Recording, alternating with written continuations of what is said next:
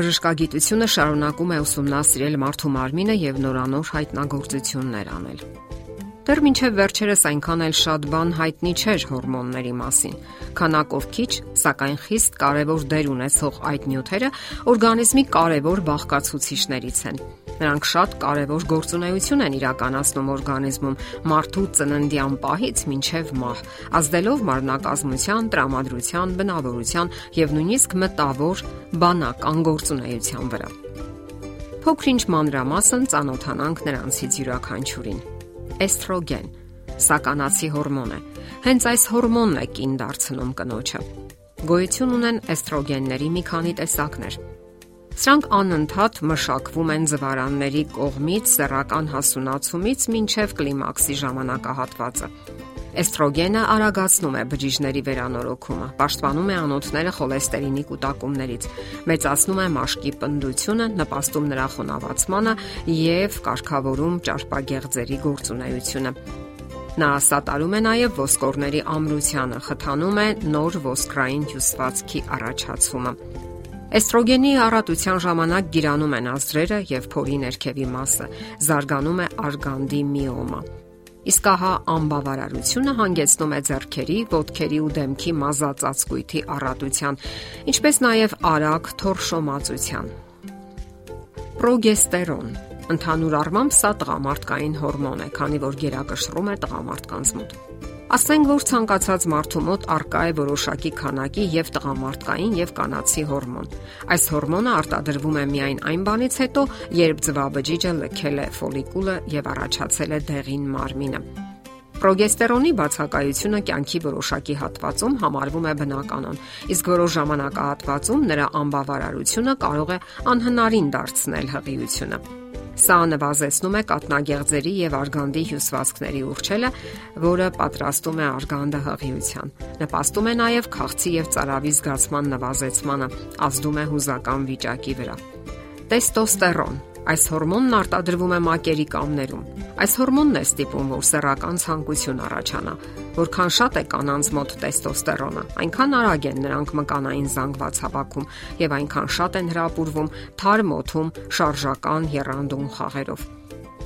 Այս հորմոնի առատության դեպքում կանանց մոտ հայտնվում է ագրեսիվություն, իսկ մաշկի վրա կարող են հայտնվել բզուկներ։ Օքսիտոցին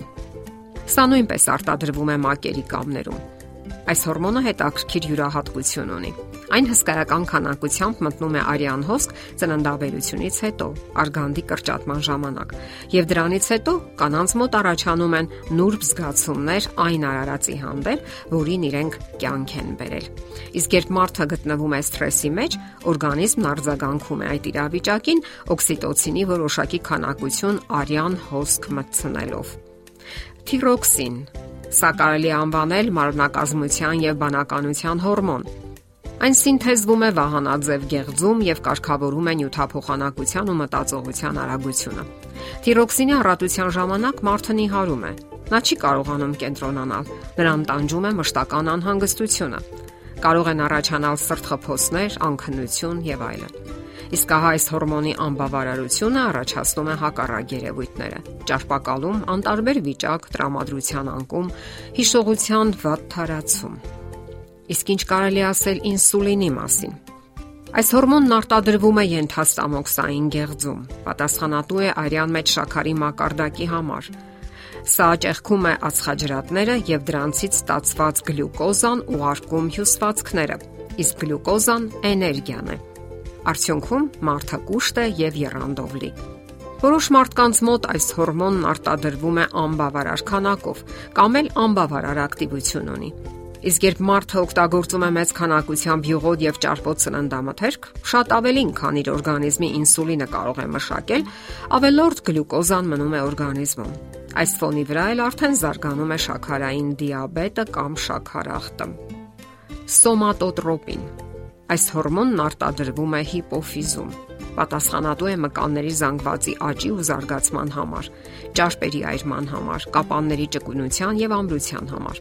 Եթե մանուկ եւ պատանի ժամանակ այս հորմոնն առատությամբ է արտադրվում, երեխան շատ բարձր հասակ է ունենում։ Իսկ եթե դա հասուն ժամանակ է լինում, մեծանում է այն, ինչը դեռևս ընդունակ է մեծանալու։ Քիթը, յենթածնոտը, մատների ոսկրերը եւ այլն։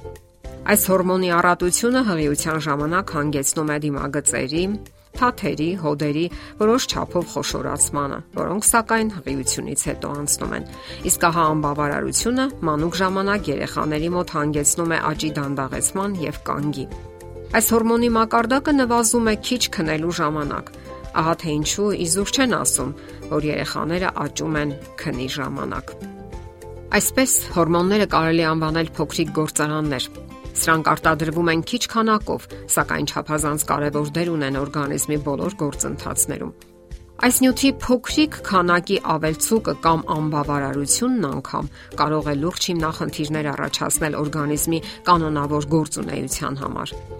Այստեղ եւս անհրաժեշտ է ճիշտ սննդակարգ, որpիսի դրանք արտադրվեն համապատասխան քանակով։ Հենց միայն շաքարային դիաբետը լուրջ հիմնախնդիր է ողջ աշխարհում եւ այդ խնդիրը ինսուլին հորմոնի հետ է կապված։ Նշենք, որ այս հիվանդությունը մահացության եւ աշխատունակության կորստի բավականին բարձր մակարդակ է գրանցում բոլոր երկրներում։ Կարևոր է նաև ֆիզիկական բարձր ակտիվությունը, հավասարակշռված հանգստի հետ միասին, որpիսի չլինի որևէ մեկի ավելցուկը կամ անբավարարությունը եւ բոլոր օրգան համակարգերը գործեն կարգավորված ու ներդաշնակ։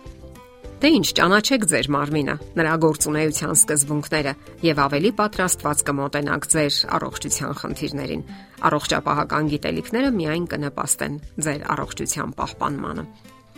Եթերում առողջ ապրելակերպ հաղորդաշարն է։ Ձեզ հետ է Գեղեցիկ Մարտիրոսյանը։ Հարցերի եւ առաջարկությունների համար զանգահարել 033 87 87 87 հեռախոսահամարով։